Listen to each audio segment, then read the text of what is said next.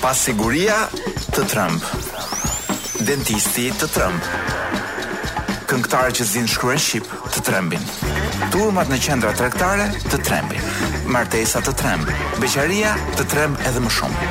Tabela kujdes shofer i ri të tremb.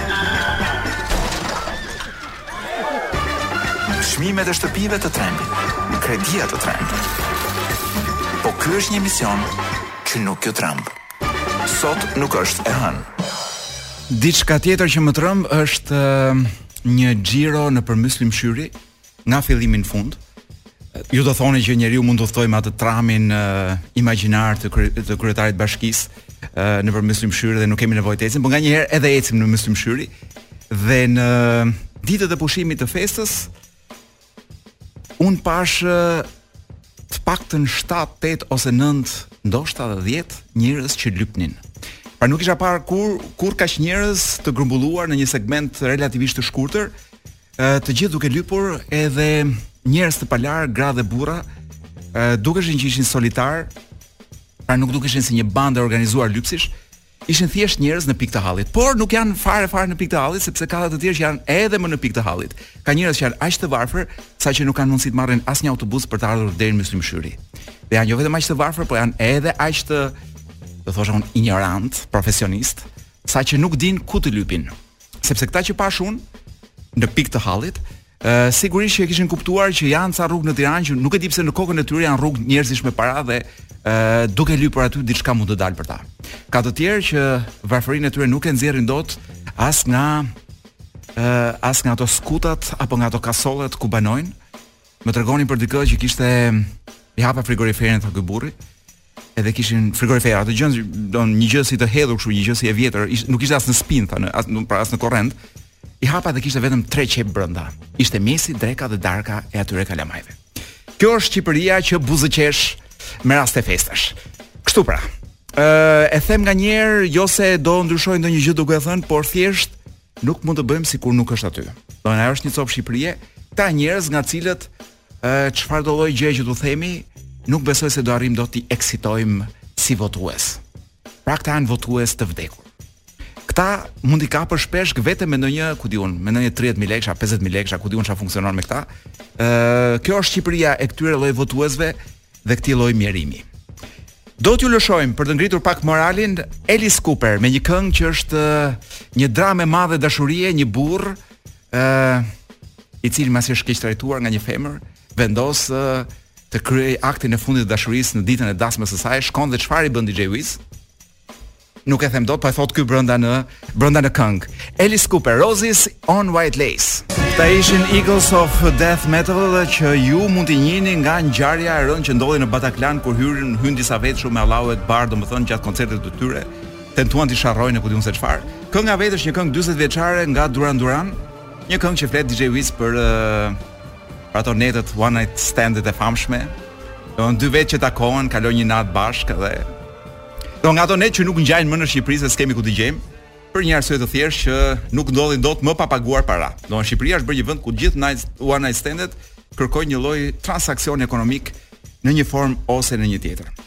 Do të shkojmë tek ngjarjet e javës kaluar dhe nuk bëjmë dot sikur nuk ka ndodhur gjë javën e kaluar. Ka ndodhur një protestë, po jo një protestë, po një nga këto protesta, kështu që dikujt që njohim ne të gjithë i janë dridhur leqet e këmbëve. Dhe unë akoma nuk e di mirë ku i ka leqet e këmbëve njeriu. Dhe a ka leqe këmbësh? Po, çfarëdo gjë që të ketë në vend të leqeve, do të jetë besoj se unë besoj se do të jetë dridhur. Ë Berisha paska paralajmëruar Ramën nga protesta, Ky është vetëm fillimi, ne do të presim biletën. Po derisa të vijë kjo ditë, unë ju këshilloj që ju të prisni biletat tuaja. Gjermania është aty, Amerika ka nevojë për punëtorë. Ë një tjetër mesazh që ka dhënë Berisha nga protesta, ne të dy sot jemi armiq. Që kuptohet kur i thua që do të pres biletën, do i thuash dhe këtë tjetrën se shkojnë bashkë kombinim. Agron Shehaj në protestë paska thënë s'jam këtu as për veten, as për Berishën. Lind pyetja për kë ka qenë? Unë kam idenë që ka qenë protestë vetëm për hijen cilësore që ofrojnë pemët e bulevardit. Ë nuk munguan as flamujt amerikanë protestën e PD-së. Dhe sigurisht nuk mund të ketë një protestë shqiptare pa flamur të huaj, ë sidomos flamuj amerikanë dhe nuk ka për të pasur ndonjëherë. Si me thënë, nuk siç nuk do të ketë një Arian Çani pa një Sofi, nuk mund të ketë as protesta pa flamuj të vendeve të tjera. Numri i protestuesve paska tejkaluar me sa duket pritshmërinë e doktorit.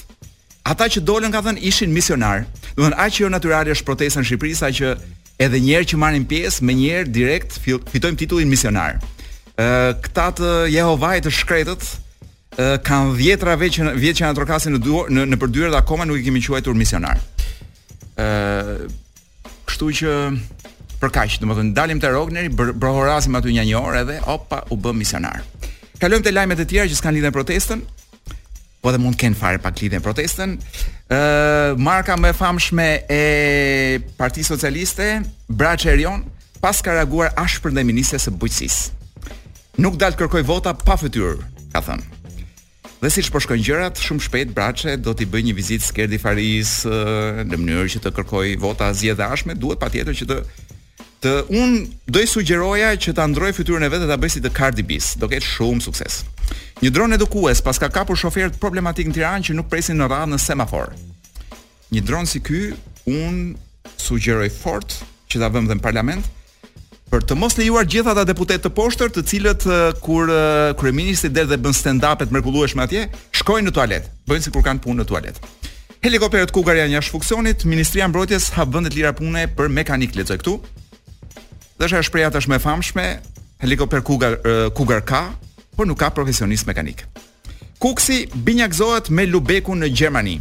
Firmoset marrëveshja për menaxhimin e mbetjeve dhe mbrojtjen e mjedisit. Një lajm i jashtëzakonshëm, tashmë kurdët që duan të kalojnë ilegalisht në Gjermani, mund t'i hedhim në Kukës. Nuk do e kuptojnë fare ndryshimin. Sidomos mbas këtij binjakëzimit. Dhe lajmi i fundit DJ Wiz, një lajm që na takon të gjithëve, pinguinët refuzojnë të ushqehen me peshk të lirë. Ë ndërkohë që inflacioni thuhet këtu godet akuariumet në Japoni. Kanë tentuar t'u japin ë ushqim jo cilësor pinguinëve.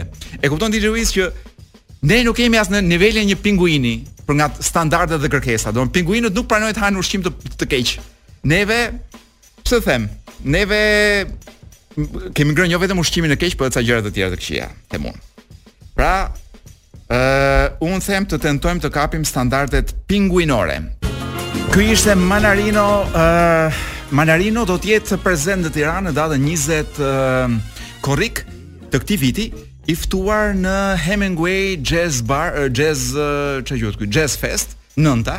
Pra nëntë vjet që Hemingway Bar organizon një festival jazzi dhe apo një fest jazzi dhe Manarino është i ftuar, një nga këngëtarët më të mirë italianë bashkëkohorë Ka nxjerrë dhe një album me cilin është në krye të klasifikimeve. Kështu që po ju mori pak malli për një çik kështu tingull që është një mix mes Mesdheut, po ka brenda ka salsa, ka ë uh, swing, uh, jazz, uh, gjitha bashkë, domethënë një një koktejl muzikor uh, i rrymave latine, do thoja unë, Kështu që mos mungoni të merrni pjesë. 20 korrik Manarino. Kam në dorë librin, e mbylla Manarinon. Domethënë gjithë kjo reklamë kuptohet që është falas sepse unë e bëj thjesht nga pasioni i madh për muzikën e mirë. Kam në dorë librin e kësaj jave, është libri i Viktor E. Frankl, ë në kërkim të kuptimit, një libër i jashtëzakonshëm. Një nga librat më të mëdhenj dhe më të mirë shkruar ndonjëherë. Ë prit ta gjej kush e ka e ka botuar shtëpia botuese Minerva. 12 milion kopje të shitura në gjithë botën thuhet këtu. Pak qenka shitur përkthyer nga Blendi Lami, ishte një përkthim i mirë, me sa mund ta kuptoj unë. Un kam pasur fatin ta lexoj edhe në anglisht para do kohësh. Ëm dhe është botuar në 2019, pra qenka një botim relativisht i fundit. Ë mund ta gjeni edhe në Shqipëri, edhe në Kosovë. Botimi që nga nga Onufri. Pse është një libër i madh? Më lejoni t'ju them, po lexoj diçka nga parathënia, ë që flet pak edhe për librin. Parathënien e ka e ka shkruar vetë autori. Autori është i një i mbijetuar i kampeve të shfarosjes naziste. ë flet para rrëfen në pjesën e parë të librit për përvojën e vet në kampet naziste. është një rrëfim rrënqethës, do thoja unë. Dhe kur je duke lexuar këtë libër, gjithë ata njerëz që ka dhe në Shqipëri të tillë, të cilët të fillojnë të bëjnë kështu si si interesant, duke thënë që e, holokausti nuk ekziston, të vjen t'i marrësh dhe t'i fusësh një gisht në hund. T'i fusësh dhe një gisht në hund, te hunda tjetër domethënë, edhe t'i lësh të marrin frymë me byth. sepse nuk meritojnë të marrin frymë si njerëz këta këta mohuesit e Holokaustit. Po lexoj tek parathënia e botimit të vitit 92 shkruar 1992 shkruar nga vetë autori. Deri më tani, ky libër është botuar rreth 100 herë në gjuhën angleze. Është publikuar gjithashtu në 21 gjuhë të tjera. Më shumë se tre milionë kopje janë shitur vetëm nga botimet në anglisht. Këto janë fakte bindëse dhe mund të përbëjnë arsyen se pse gazetarët amerikanë, veçanërisht ata të televizionit, i nisin shpesh intervistat pasi listojnë këto fakte me një ngjyresë emocionale duke thënë: "Doktor Frankl, libri juaj është shitur në mbarë botën, si ndiheni pas një suksesi të tillë?" Kësaj pyetje i përgjigjem duke thënë se para së gjithash, në statusin bestseller të librit tim nuk shoh ndonjë arritje apo sukses. por një reflektim të mjerimit të epokës sonë. Nëse qindra mijëra njerëz blejnë sot këtë libër, titulli i cilit të krijon menjëherë idenë se në të trajtohet çështja e kuptimit të jetës, pra libri titullohet në kërkim të kuptimit. Pra nëse e, janë kaq shumë qindra mijëra njerëz që blejnë këtë libër, titulli i cilit krijon menjëherë idenë se në të trajtohet çështja e kuptimit të jetës, Kjo duhet të jetë një çështje therëse. Ë, uh, pastaj shpjegon për librin, i cili siç thashë është në dy pjesë, uh, pjesa e parë është eksperienca e tij në kampin e përqendrimit dhe pastaj ka dalë në një rrymë uh, pa një shpjegim teorik të të logoterapisë, që është një nga format uh, e psikoterapisë njeriut. Shumë interesante edhe ajo. Dhe siç thot vet, pjesa e parë shërben si vlefshmëri ekzistenciale e teorive të mia. Pra ka shpjeguar çfarë i ka ndodhur në kampet e përqendrimit dhe më pas pastaj ka treguar teorinë e vet. Kur shkrova librin thot në vitin 45 nuk kisha asnjë gjë të tillë në mendje. E shkrova për 9 ditë të njëpasnjëshme me vendosmërinë e patundur se libri do të botohej në mënyrë anonime. duke shënuar vetëm numrin që kam pasur në burg. Pra shifrën që u gdhënin si tatuazh të burgosurve në kampet e e, e përqendrimit. Pastaj shpjegon se pse i vuri emrin. Pastaj thot, lexuesi mund të pyesë se pse nuk tentova të arratisesha nga ai ferr, pasi Hitleri kishte pushtuar Austrinë. Më lejoni të përgjigjem duke kujtuar historinë e mëposhtme. Pak kohë përpara se Shtetet e Bashkuara të Amerikës të përfshiheshin në luftën e dytë botërore, më lajmëruan të shkoja në konsullatën amerikane në Vjenë për të marrë vizën e emigracionit. Prindërit e mi të moshuar u gëzuan pa masë, sepse parashikonin se së shpejti do të më lejonin të largohesha nga Austria. Megjithatë papritmas hezitova. Në kokë më vërtitej pyetja. A do të mund duroja vërtet që të lija vetëm prindrit, të lija vetëm prindërit, të cilët do të përballeshin me fatin e tyre, duke u dërguar herët apo vonë në një kamp përqendrimi, apo edhe në një kamp të shfarosjes në masë. Cila ishte përgjegjësia ime? A duhet fokusohesha tek produkti i trurit tim, logoterapia, duke emigruar në toka pjellore ku mund të shkruaja libra? Apo duhet përqendrohesha në detyrat e mia si fëmijë i vërtetë, fëmija i prindërve të mi, i cili, për t'i mbrojtur, duhej të bënte gjithçka që ishte e mundur. E trajtova këtë problem nga këndvështrime të ndryshme, por nuk mund të arrija në një zgjidhje. Kjo ishte ajo lloj dileme që e bën njeriun të urojë për një shenjë paralajmëruese nga Perëndia. Në atë kohë, pra ky kërkonte i thoshte perëndisë më ço një shenjë, çfarë të bëj të iki, t'i lë prindërit apo të rri këtu me ata të tentoj t'i mbroj. Në atë kohë vura re një copë mermeri mbi një tryezë të shtëpisë. Pasi pyeta tim atë për atë copë mermeri, më shpjegoi se e kishte gjetur në vendin ku nazistët kishin djegur sinagogën më të madhe në Vjenë. E kishte sjellë në shtëpi sepse kishte qenë një pjesë e pllakave në të cilat qenë shkruar 10 urdhëresat. Në atë copë gjendej një shkronjë e skalitur hebraike. Babai më shpjegoi se ajo shkronjë përfaqësonte një prej urdhëresave. Pyeta me padurim, cilën prej tyre? Ai u përgjigj. Urdhëresën që thotë, do të nderosh babanë dhe nënën tënde me qëllim që të jetosh gjatë dhe të gëzosh begatinë në tokën që Zoti yt po të jep. Në atë moment vendosa të qëndroja me babanë dhe nënën në atë tokë dhe të refuzoja vizën amerikane.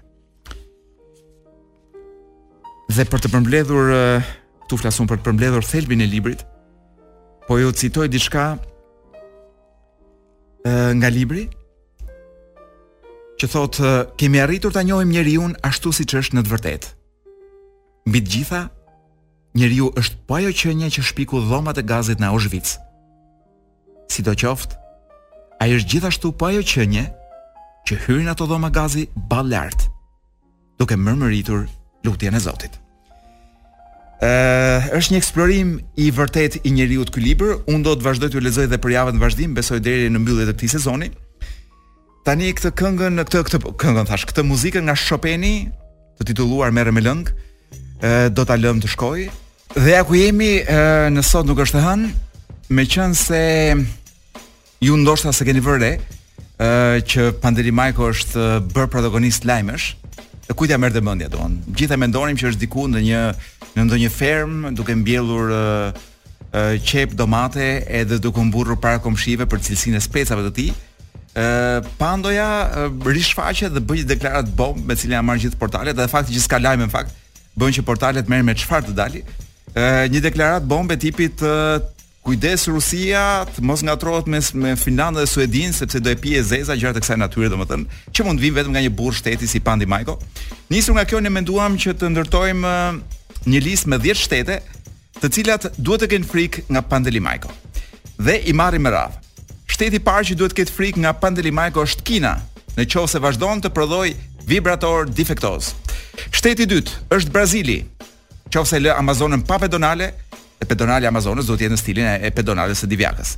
Shteti i tretë që duhet të ketë frikë nga Pandeli Majko është Italia, qoftë se dështon të kualifikohet për botërorin tjetër.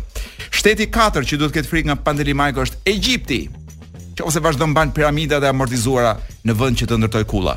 Shteti i pestë është Vatikani, qoftë se nuk e jep Kapelën Sistine për menaxhim privat dhe shteti i gjashtë do të jetë Kolumbia, që duhet të ketë frikë nga Pandeli Majko për arsye që vetëkuptohen. Shteti i shtatë që duhet të ketë frikë nga Pandeli Majko janë ishujt Fixhi, Në qoftë se ato do kenë kurajon të mos i bashkohen Ballkanit të hapur. Ë një tjetër shtet që duhet të ketë frikë nga Pandeli Majko është Japonia, qoftë se nuk u jep pinguinëve peshk cilësor. Dhe pastaj edhe Nepali në qoftë se nuk jep me PPP malin e Everestit. Ë dhe shteti i fundit, shteti i 10 që duhet të ketë frikë nga Pandeli Majko është Australia, në qoftë se nuk sterilizon kangurët e rrugës, Dhe në qofë se nuk arrin t'i sterilizoj, të paktën t'i vras me uh, lëng baterie makinash. Kaq. Pra të gjithë duhet të kenë frikë nga Pandeli Majko. Dhe ndodh diçka e çuditshme, njerëzit uh, kanë rutinat e tyre, dalin uh, shpesh nga puna në të njëjtën orë, dalin nga shtëpia në të njëjtën orë, ulen diku uh, në të njëjtën orë, pra i bëjnë gjërat, ose futen në makinë në të njëjtën orë. Ëh dhe çfarë bën kjo? Bën që gjithmonë kapin një pjesë të caktuar të radios. Për shembull, meqenëse un flas gjithmonë në orën 7:40 për seksin, ata të shkretë, të cilët e hapin radion pikërisht në atë orë, dëgjojnë vetëm gjëra të, të turpshme dhe të çuditshme nga goja ime dhe mendojnë që ky njeri qenka fare i pacipë dhe duhet lidhur dhe mbyllur brenda. Prandaj DJ Wiz ka vendosur që orën e seksit ta bëjmë çik më përpara dhe të lëmë fizkulturën për në fund. Kështu pra, te o, Orën e seksit do ta bëjmë pikërisht tani, bëhu gati, DJ Wiz. Ë do të flas për një ngjarje që është shumë e rëndë në jetën e një burri dhe është ngjarja e thyerjes së shkopit të vet magjik. Le ta quajmë kështu me, me një lloj delikatese, edhe pse shpesh nuk është shkop dhe shpesh nuk është as magjik, ose pothuajse gjithmonë nuk është magjik. Ë ndodhin çudira, njerëzit e fusin në shkopin e tyre magjik, burrat e fusin shkopin e tyre magjik në vende të çuditshme. Imagjino, po lexoja një lajm që di, një burrë kish futur penisin e vet në një shishe. Dhe nuk ishte një djalë i ri, po themi 17 vjeç që po zbulonte jetën, donte të kuptonte për çfarë përdoren shishet edhe o burra, bambum. Jo. Ky ishte një mesoburrë, po themi 40, 50, ndoshta çik më shumë. Dhe nuk e gjejmë dot ku është mesi i burrave tashi që. Kan lëvizur këto uh, vitet dhe datat. Kështu pra kish futur në një shishe dhe jo vetëm kaq po e kish mbajtur nuk e di për ç'arsye disa javë aty dhe kish përfunduar ngjarja është e rëndë. Po imagjino kastravecat për shembull të futur në një dollap të shtëpisë, të cilët i ke harruar aty dhe kthehesh pas dy javësh dhe i gjen të kalbur. Kish ndodhur një gjë e ngjashme. Pse po e bënte ai burri këtë gjë?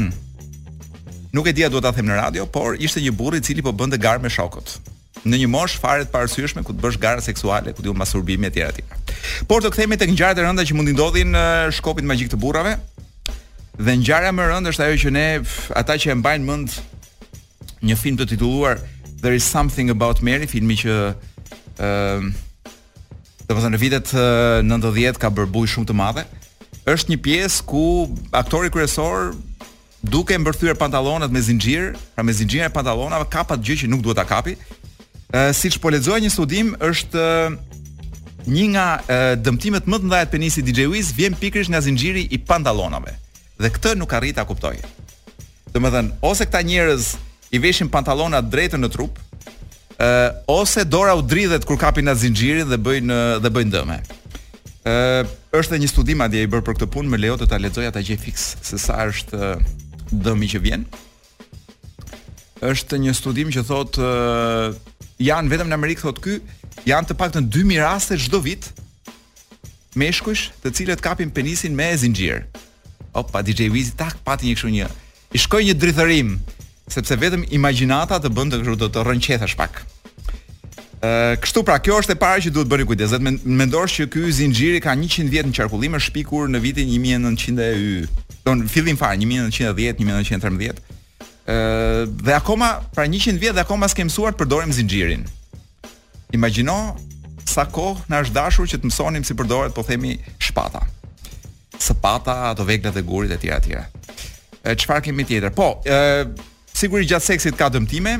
Ë ata që s'kanë dëgjuar më vjen keq që t'i shokoj tani, po ë ka një gjë që quhet thyerje e penisit, pra kur penisi është në pozicion po themi luftarak, ë po themi që është gati për luftë, edhe mund të ndodhë një thyerje që është edhe kjo është nga ato gjëra që mos të ndodhshin. Dhe ndodh kryesisht gjatë aktit seksual sepse se ç'i merr vrulli njerëzit bam këtu e bam atje domethënë. Edhe ky bami është bam këtu, bam atje, uf, atje ose oh, atje. ë te cepi tjetër. Dhe imagjino një thyerje e penisit të dashka DJ Wiz siç po lexoj këtu 6 javë të paktën. për t'u shëruar. Imagjino 6 javë duhet të mbash ë organin tënd gjenital duhet ta mbash në allçi etj etj. ë nuk ke njeri që të të vërë kompresa se kush të afrohet, domethënë të braktisin shokët etj etj. Gjëra të rënda ndodhin. Dhe e, pozicioni më i dëmshëm ë qenka Ja të flasim me studime shkencore, ëh. Pozicioni më i dëmshëm qenka ky i i cowboyses, na nuk cowgirlses, por ne në shqip nuk e kemi fjalën, ne themi cowboy dhe cowboyses, se kështu jemi mësuar, po. Pozicioni i vajzës që i hip kalit, po themi.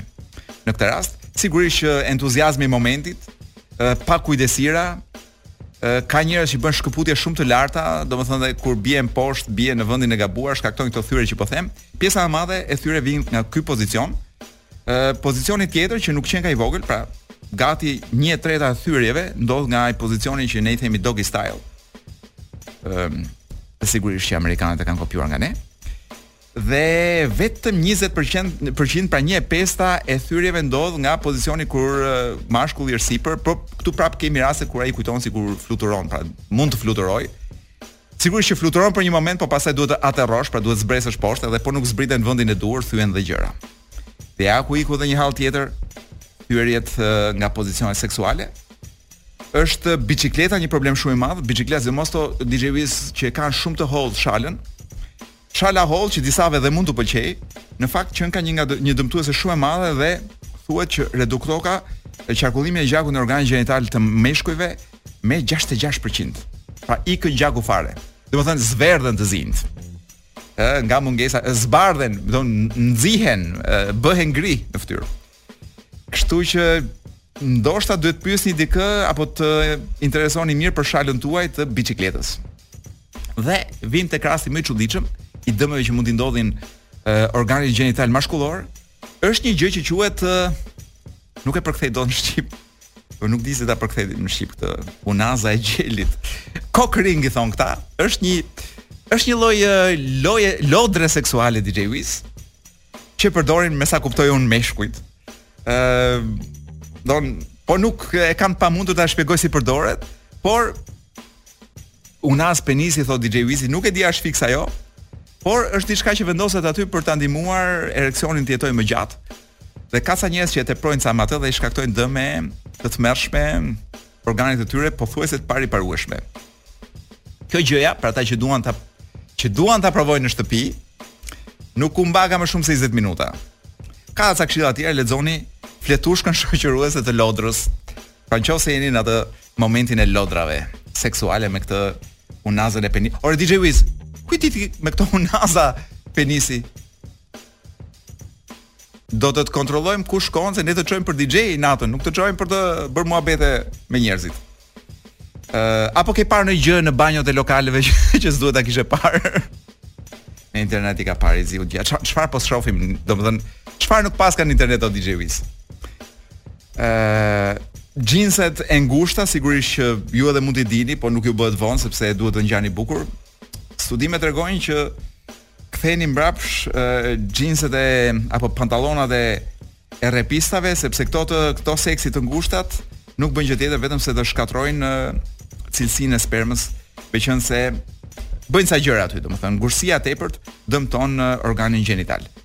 Dhe për ta mbyllur laptopi, domethënë Steve Jobsi vazhdon dhe na vret edhe nga përtej varrit, sepse laptopi mbi gjunjë vazhdon të jetë një problem shumë i madh dhe paska studime prit. Edhe kur ti mendon, edhe kur rrish kështu si këmbëkryq, ë krijohet një hipotermi atje. Edhe dëmet janë janë shumë të mëdha. Studimi këtu flet me temperatura me gjëra, por nuk kam plan t'ju lodh sepse juve jeni edhe në timon edhe nuk dua t'ju shqetësoj me me me shumë shifra dhe me me mate, matematikë. Këta janë Journey me Separate Ways, uh, Ways, më fal. Uh, DJ Wiz, uh, në qofë se e ke ndjekur uh, Stranger Things, uh, gjëja më e bukur që ka bërë ai serial, përveç se ka një kast aktorësh simpatik, ka një ngjarje kështu, na duket vetja si kalamaj të vegjël kështu, uh, ai kthimi në vitet 80, pastaj ai ai horror që nuk është shumë horror. Pra gjëra të lezetshme aty. Uh, po një nga gjërat më të mira që ka bërë është rikthimi i një kolone zanore të viteve 80 dhe sjellja e gjithë këtyre këngëve në po themin kohën e sotme kanë ndodhur çudira. Ë për shembull Running Up That Hill nga Kate Bush është rikthyer në në krye të klasifikimeve, një këngë 37 vjet e lashtë ëm të cilën e kishte harruar dhe zonja që e kish bërë. Tashmë është rikthyer në klasifikim pas 37 vjetësh dhe e ka bërë Kate Bush një nga njerëzit e veçantë që ë ka dy herë, është ngjitur dy herë në krye të klasifikimit anglez me të njëjtën këngë, po një herë kur ishte kompozitorja më e re, se e ka kompozuar vetë këngën. Dhe tani si kompozitorja më e vjetër, sepse është shumë e vjetër për atë këngë. Ë edhe kënga që sapo kaloi nga Journey është pjesë e Stranger Things, Dhe më vonë do ta mbyllim po me një këngë nga Stranger Things. Tani unë dua të shfletoj pak një 3-4 ngjarje të javës së kaluar tek të cilat kam qejf të ndalem sepse secila prej tyre më thotë diçka të vogël. E para ishte kjo ikja e Kastriot Myftarajt nga jeta. Ë në një mënyrë tragjike dhe gjëja që më bëri përshtypje përveç faktit që shumë vetë i mëshonin vetëvrasjes, çka nuk është shumë etike ë në kohët e sotme, Aq më tepër që media nuk mund të bëjë spekulime kur nuk ka akoma një version zyrtar. Po si nuk i shkoi goja njeriu të thoshte po mos vallë e kanë vrarë për shembull. Dhe e ndjeva të nevojshme ta thosha vetë hapur mos vallë e kanë vrarë. Ë sepse gjithë njerëzit që e njihnin thoshin ai nuk kishte asnjë tendencë për vetëvrasje. Dhe befas u gjend, si me thënë, në një humbje tragjike, ë siç i takonte si konspiracionist që ishte, konspiracionale pati edhe ikjen. Gjithashtu kanë vrarë një ish kryeministër japonez, ë pra një ish kryeministër Shinzo Abe, Ë një vrasje e cila doli edhe kjo sigurisht me masat e duhura, pra duke thënë publikut kujdes, po dolën fotot, ë doli edhe një njeri i cili mbante një pistoletë të bërë vetë sepse Japonia ë një vend me 120 130 milion njerëz ë nuk ka fare vdekje nga armët. Pra është një vend ku qameti, mund të vrasin, ja po lexoja në New York Times që ë vetëm një në 2021-shin ishte vetëm një vdekje me armë, nga armët e zjarrit. Pra në gjithë Japoninë 125 milionë. Ë, por gjëja që më bëri më shumë përshtypje nuk është kultura japoneze për të mos u vrarë me njëri tjetrin, ndryshe nga dhe ne jemi shumë më dobët se japonezët. Ne në fakt nuk kemi asgjë për japonezin. Gjëja që më bëri përshtypje është që të gjithë e trajtuan lajmin edhe pse dolën foto të atij djalit me atë pistoletën e e sajuar në dorë artizanale. Të gjitha mediat e trajtuan si i dyshuari. Po të ishin media shqiptare, gjëja që do kishin bërë ishin gjitha me tituj, do kishin dalë gjitha me tituj vrasësi, kapet vrasësi. Pra gjithë do ta, mediat shqiptare do të jepnin menjëherë verdiktin. Do ta trajtonin menjëherë si kriminal, menjëherë si fajtor. Në fakt, përderisa krimi nuk është provuar nga gjykata është gjithmonë i dyshuari. Dhe mjafton shohësh se si e trajtuan këtë djalin e dyshuar mediat e huaja për pra dyshuar për vrasjen e ish-kryeministrit japonez për të kuptuar cila është etika vërtet e e një medieje. Sepse fotot, pavarësisht se kishte një armë në dorë, po edhe videot mund të mos tregojnë të vërtetën, mund të mos jetë ai vrasësi, Por dhe raportet e policisë mund të mos tregojnë të vërtetën dhe e vetmja që jep vulën është gjykata. Pra ai ngelet i dyshuar. Dhe ngjarja e tretë që më ka bërë përshtypje është shpërthimi i turmave të protestuesve në Sri Lanka brenda ë në banesën luksoze të presidentit. Ë presidenti i Sri Lankës është një nga presidentët me një nga këta njerëzit e fortë me të cilët ne jemi mësuar në këtë vend, por edhe në këtë rajon, Njerëz të fortë, të cilët udhëheqin me dorë të fortë, ë uh, të cilët arrijnë më në fund të ndërtojnë gjitha mjetet për, për të mos zbritur më kurrë nga kali, pra për ta pasur gjithmonë pushtetin. Dhe vjen një moment ku edhe një popull i urtë siç është ai i Sri Lankës, që është po kaq i urtë sa ne, po kaq dele sa ne, vjen një moment që shpërthejnë, shpërthejnë dyert, vetëm se duhen disa duhen disa elementë aty, duhet e para një dëshpërim shumë i madh, e dyta thika që shkon deri në kockë. Ë sigurisht që protestat kanë nevojë edhe për një leadership, po do edhe pak shtysë nga jashtë. Dhe nuk e di nëse në vendet tona këtu në Ballkan apo në vendin këtë në këtë vendin tonë të lodhur dhe të dhunuar vazhdimisht ë do kemi më si popull kurajon për të bërë po themi protesta të kësaj natyre që njerëz që nuk duan të largohen me votë, ë të largohen qoftë edhe me dhunë. Nuk e di se për sa kohë do jemi dele dhe nuk e di a kemi ndonjë gjë prej Sri Lankezi brenda. Do rrojmë e do shohim. Kaq për sa i përket uh, ngjarjeve të javës së kaluar, të këtyre pikanteve do thoja unë. Do të rikthehemi siç thashë tek uh, Stranger Things Running Up That Hill, kënga e cila e riktheu Kate Bush ë në majë të klasifikimeve edhe një herë mas 37 vjetësh, rivjen, por ne do e sjellim nga Placebo. Placebo janë në koncert ë brenda këtij muaji gjeni vetë datën në Shkup. Pra ju nëse jeni fansa të Placebos mund t'i gjeni në Shkup live. Këta ishin Placebo duke luajtur Running Up That Hill, një këngë nga Kate Bush, është një cover pra. Ë siç ju thashë Placebot janë në Shkup në datën 16 korrik. Pra se e kam këtu ë përpara syve edhe website-in rockthenight.eu, ku ka dalë njoftimi 5 ditë, 2 orë, 12 minuta që nga pra, deri në koncertin e Placebo-ve, keni akoma mundësi për të blerë bileta. Ne do ta mbyllim këtu këtë natë që nuk është e hënë, me një tjetër kryevepër të rockut, por dhe një nga këngët më të mira të serialit Stranger Things janë Metallica dhe ka një sekuencë të tërë aty me kudi unë me me lakuriqë nate me me një botë të çuditshme, kështu me një botë të nëndheshme, të përtejshme do thoja unë, të gjitha nën kolonën zanore të Master of Puppets. Ne do ta mbyllim me Master of Puppets dhe do ta rihapim me Master of Puppets në Top Albania Radio javën e ardhshme. Këta janë Metallica, unë jam Koloreto Cukali, ju po dëgjoni Top Albania Radio.